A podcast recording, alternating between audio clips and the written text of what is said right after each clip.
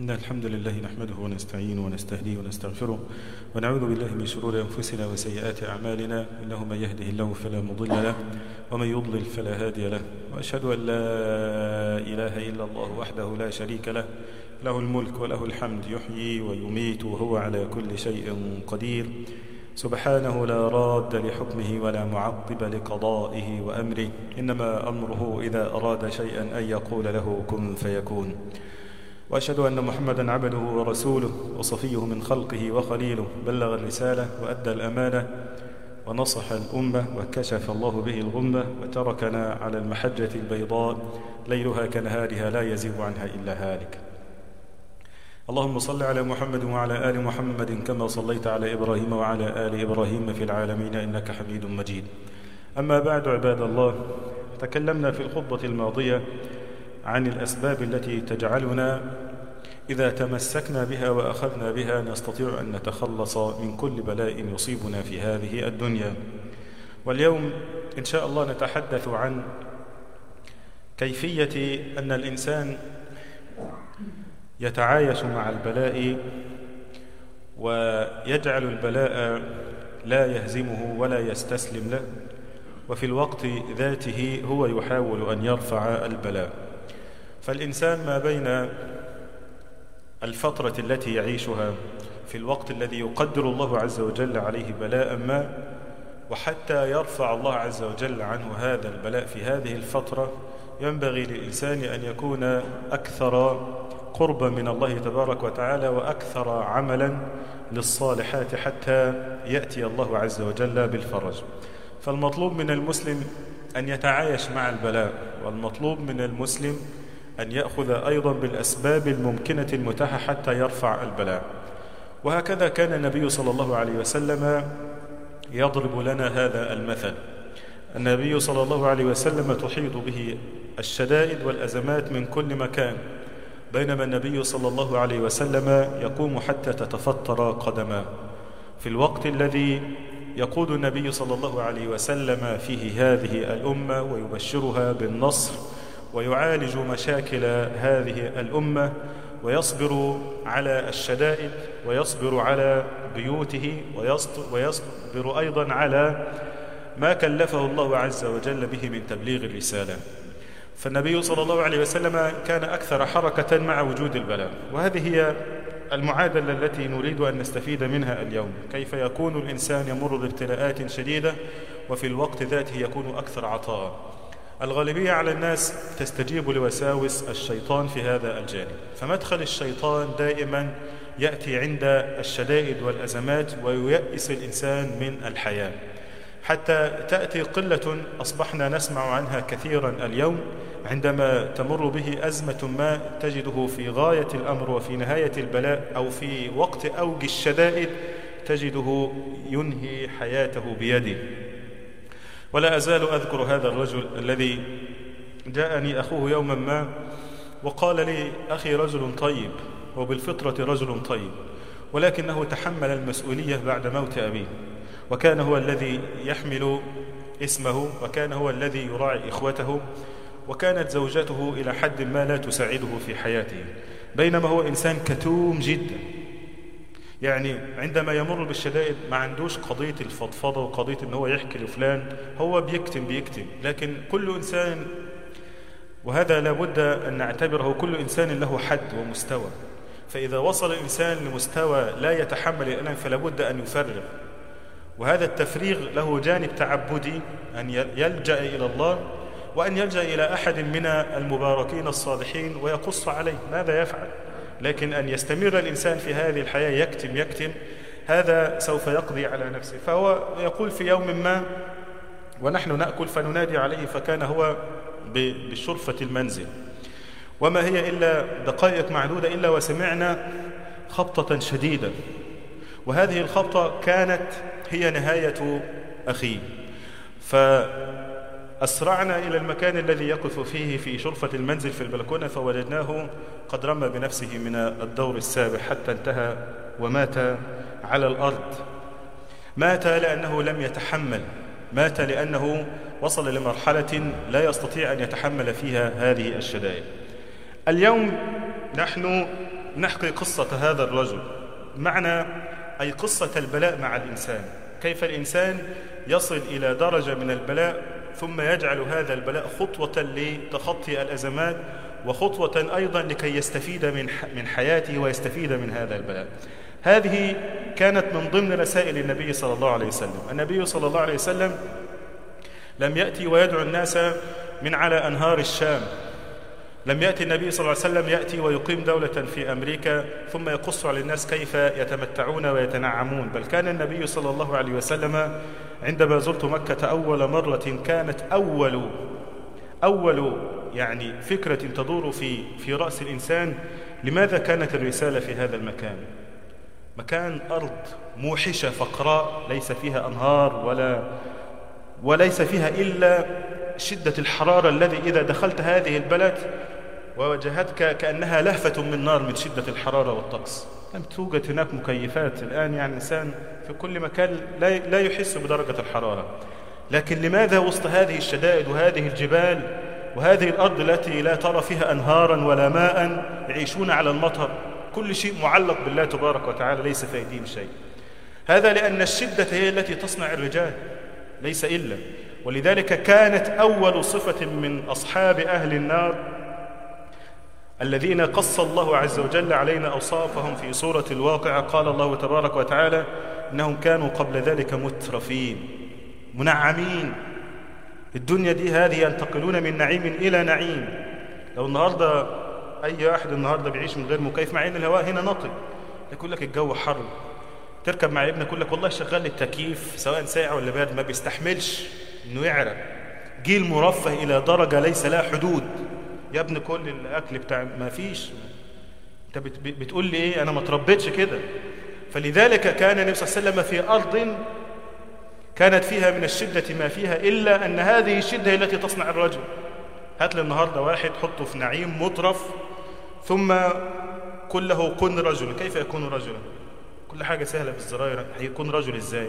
إذا لم يتعب وإذا لم تداهمه تجارب الحياة وهذه التجارب القاسية التي يواجهها في الحياة ويتعلم لم يكن رجلا ما. ولذلك هذا نوع من الشدة عندما نعلم أولادنا نعلمهم بالشدة وأيضا نحن ننعم عليهم بما أنعم الله عز وجل علينا. لكن لا بد أن يكون هناك توازن. لكن طرف وراء طرف لن يربي أحدنا رجلا بهذه الطريقة في يوم ما. فكان النبي صلى الله عليه وسلم يعيش هذه الشدائد وتداهمه الابتلاءات ابتلاء وراء ابتلاء. النبي صلى الله عليه وسلم يأتي إلى هذه الدنيا أين أبوه مات؟ كان النبي صلى الله عليه وسلم في هذه الدنيا نشأ يتيما. لم يرى أباه يوما ما. النهارده لما تغيب على ابنك شوية يقول لك بابا بابا فكأن الولد ما يقدرش يعيش من غير ما يشوف أبوه. ولكن النبي صلى الله عليه وسلم وجد في هذه الدنيا ولم يقل يوما ما يا أبتاه. ما يعرف هذه الكلمة. ما يعرف هذه الكلمة. ما نطقها في يوم ما. وتأتي أمه عندما تسطع أمامه نور الدنيا ويبدأ يفهم الدنيا تموت أمه. ثم يأخذه جده ثم يموت جده. ثم يموت عمه. ثم تموت زوجته التي كان النبي صلى الله عليه وسلم يحبها حبا جما ويتحدث عنها حتى مات من كرمها ووفائها ووفاء النبي صلى الله عليه وسلم لها أيضا. تموت خديجة رضي الله عنها ثم يحاربه قومه ويصدوه ويخرجوه من بلده ثم يذهب بعد ذلك لينشئ دولة في المدينة فيقابل قلوبا أشد من الحجر قلوب المنافقين يجلس معهم وينظر إليهم ويتحدث إليهم. وهم يقنون له العداوة والبغضاء ويصاحب قوما هم أشد الناس أيضا قسوة. هم اليهود في هذا الوقت الذين يحاربونه ويعادونه حتى وصلوا إلى الأمر أنهم فكروا في قتله يوما ما. هكذا كانت حياة النبي صلى الله عليه وسلم في الوقت الذي إذا أصيب أحدنا ابتلاء من هذا أقعده هذا البلاء. النبي صلى الله عليه وسلم ليس على هذا المستوى فقط. بل عندما يبارك الله عز وجل له في ذريته يرزق سبعة من الأولاد يموتون كلهم في حياته. ما عدا فاطمة رضي الله عنها تموت بعده بعد وفاته صلى الله عليه وسلم. تخيل عند عندما يموت لك ولد ما ثم تدفنه.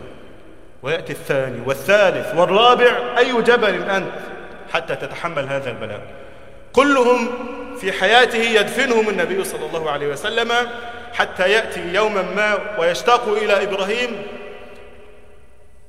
في يوم ما ويجده ويفرح به ولكن يدخل عليه النبي صلى الله عليه وسلم ويجد إبراهيم ونفسه تقعقع من سكرات الموت. كل يوم ولد وراء ولد. فيبكي النبي صلى الله عليه وسلم. فكأنه نظر إلى الصحابة وهم ينظرون إليه يا رسول الله يعني لماذا تبكي؟ كأنهم يقولون له هذا. فقال النبي صلى الله عليه وسلم إن العين لتدمع وإن القلب لا يحزن وإنا لفراقك يا إبراهيم لمحزونون ولا نقول إلا ما يرضي ربنا إنا لله وإنا إليه راجعون. هذا قضاء الله ماذا أفعل؟ يتقطع قلب الأب على ولده حزنا ويقول هذه رحمة. لا ليس لي دخل فيها. أبكي كما يبكي أي رجل. ولكن قضاء الله عز وجل نحن ضادون به. إنا لله وإنا إليه راجعون. ويقف النبي صلى الله عليه وسلم صامدا في حياته يكمل مسيرته من البلاءات ويأخذ حظه من البلاء ومع ذلك تجده أكثر الناس صبرا وأكثر الناس تعبدا لله تبارك وتعالى. هذا هو الذي ينبغي علينا. الشدائد لا تنتهي. إياك وأن تظن أنك في, في هذا النعيم لست مبتلا. من قال لك ذلك؟ هذا النعيم المترف الذي يراه الناس اليوم في, في, في حياتنا هذا أشد اختبارا من البلاء ذاته. هذا أشد اختبارا من أن يموت أحد لنا قريب لنا أمام أعيننا. ولكن المشكلة أننا لا نحس بقيمة هذا البلاء. هذا البلاء الذي يحيط بنا من كل نعم. ينبغي أن نقول فيه الحمد لله راضين. ينبغي أن نحس وندرك بالنعمة. الحمد لله على نعمة الأمان. الحمد لله على نعمة أنك ترى خلق السماوات والأرض أمامك حتى تتفكر فيه وتقول ربنا ما خلقت هذا باطلا. أحيانا الإنسان كان يكون في مكان لا يرى حتى الشمس ولا يرى السماء. من ماذا؟ من أدخنة المصانع ومن ملذات الجو وغير ذلك. أنت الآن أمام أنهار الدنيا وتجدها أمامك تقول الحمد لله. ما طلب الله عز وجل أكثر منك إلا أن تقول الحمد لله. هل قلتها؟ ولكن الحمد لله في موطنها. عندما تصبح قبل طلوع الشمس وتقول الحمد لله لها أثر. لكن لا تصلي والحمد لله. كيف تجوز؟ كيف يجوز إنسان أن يقول الحمد لله وهو ناكر لنعم الله عز وجل عليه ولا يقوم بالفرائض التي فرضها الله عز وجل عليه. من هذه الأسباب الأساسية التي جعلها الله تبارك وتعالى سببا من الأسباب التي يستطيع الإنسان أن يتعيش معها معيش معها مع البلاء نظرة النبي صلى الله عليه وسلم للدنيا. كان النبي صلى الله عليه وسلم يأخذ بمنكبي عبد الله بن عمر رضي الله عنهما ويقول له كن في الدنيا كأنك غريب أو عابر سبيل. النبي صلى الله عليه وسلم كان نائما ذات مرة فاستيقظ النبي صلى الله عليه وسلم فوجدوا من أثر هذا النوم أثرا في جنبه لأنه كان ينام على الأرض.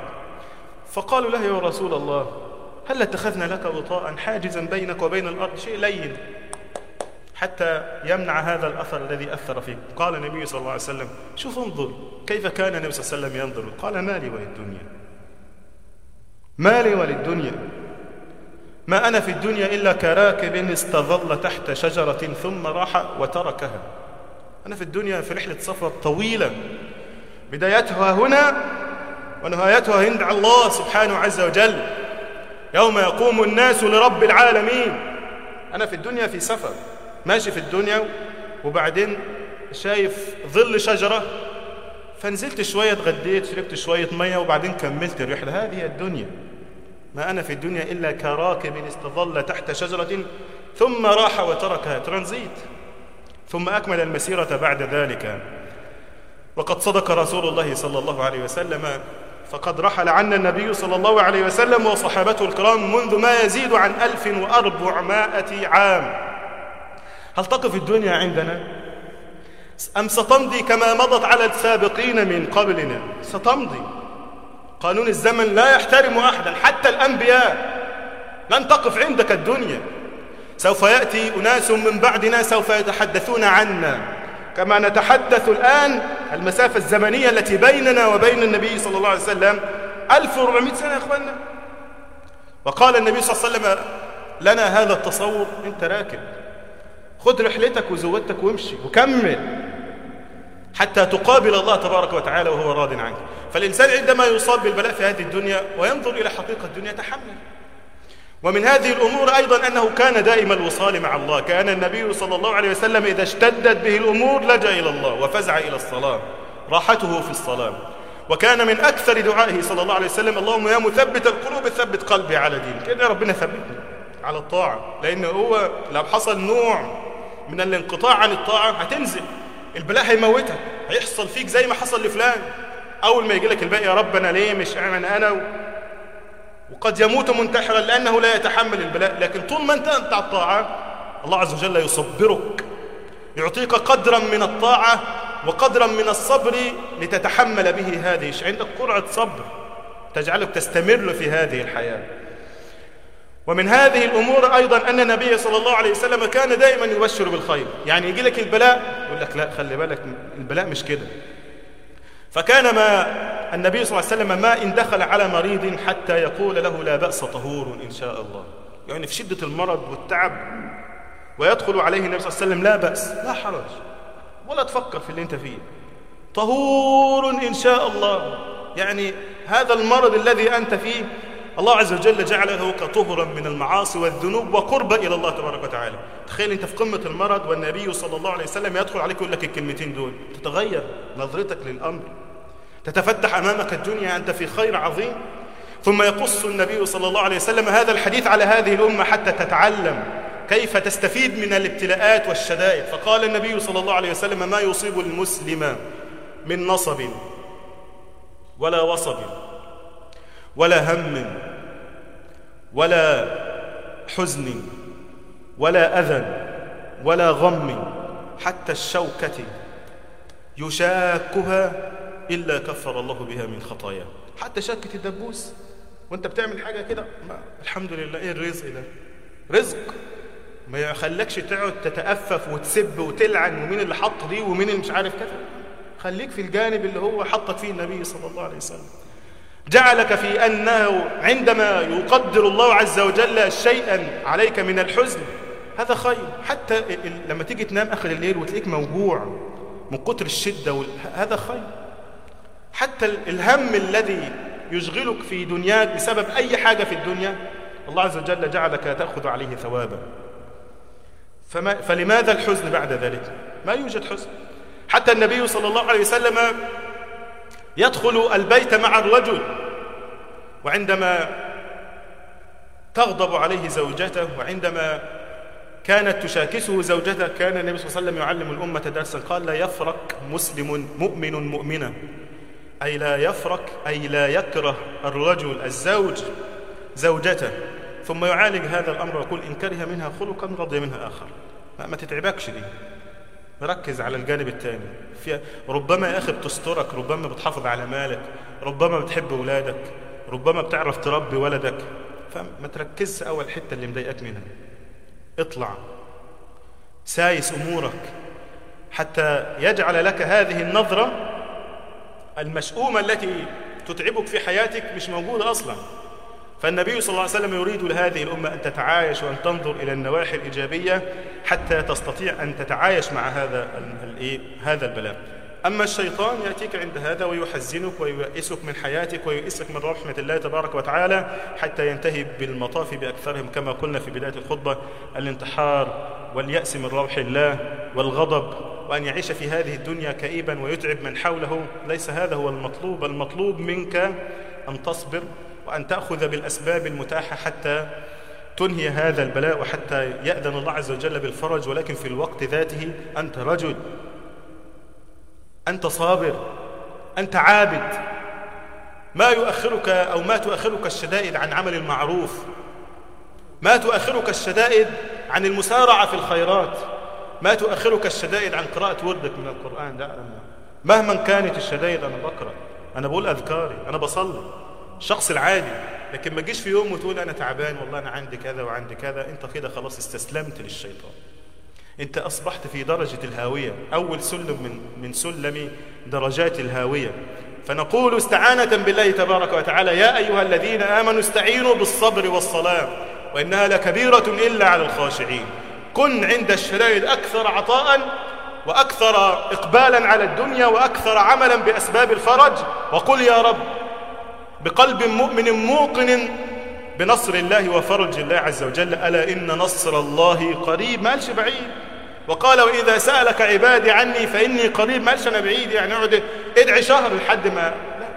في نفس اللحظة التي تتوجع فيها وتقول يا رب يصل ألمك وإحساسك ودعائك لرب العالمين. ليس هناك حواجز ليس هناك وزراء وسفراء وموظفين حتى يوصلوا هذه الرسائل للملك رب العالمين. ولكن الله تبارك وتعالى قبل أن تتكلم هو يرى ألمك يعلم ما في السرائر ويعلم ما في الضمائر ويرى وجعك ويرى تعبك ويرى شكواك. فلذلك قال يعقوب عليه الصلاة والسلام قل إنما أشكو بثي وحزني. سبحان لمن؟ للذي يعلم السر وأخفى. للذي يعلم ما في الضمائر لمن هو أرحم بك من أبيك ومن أمك ومن الدنيا وما فيها. فنقول استعانة بالله تبارك وتعالى. قل لن يصيبنا إلا ما كتب الله لنا هو مولانا وعلى الله فليتوكل المؤمنون. أقول قولي هذا وأستغفر الله لي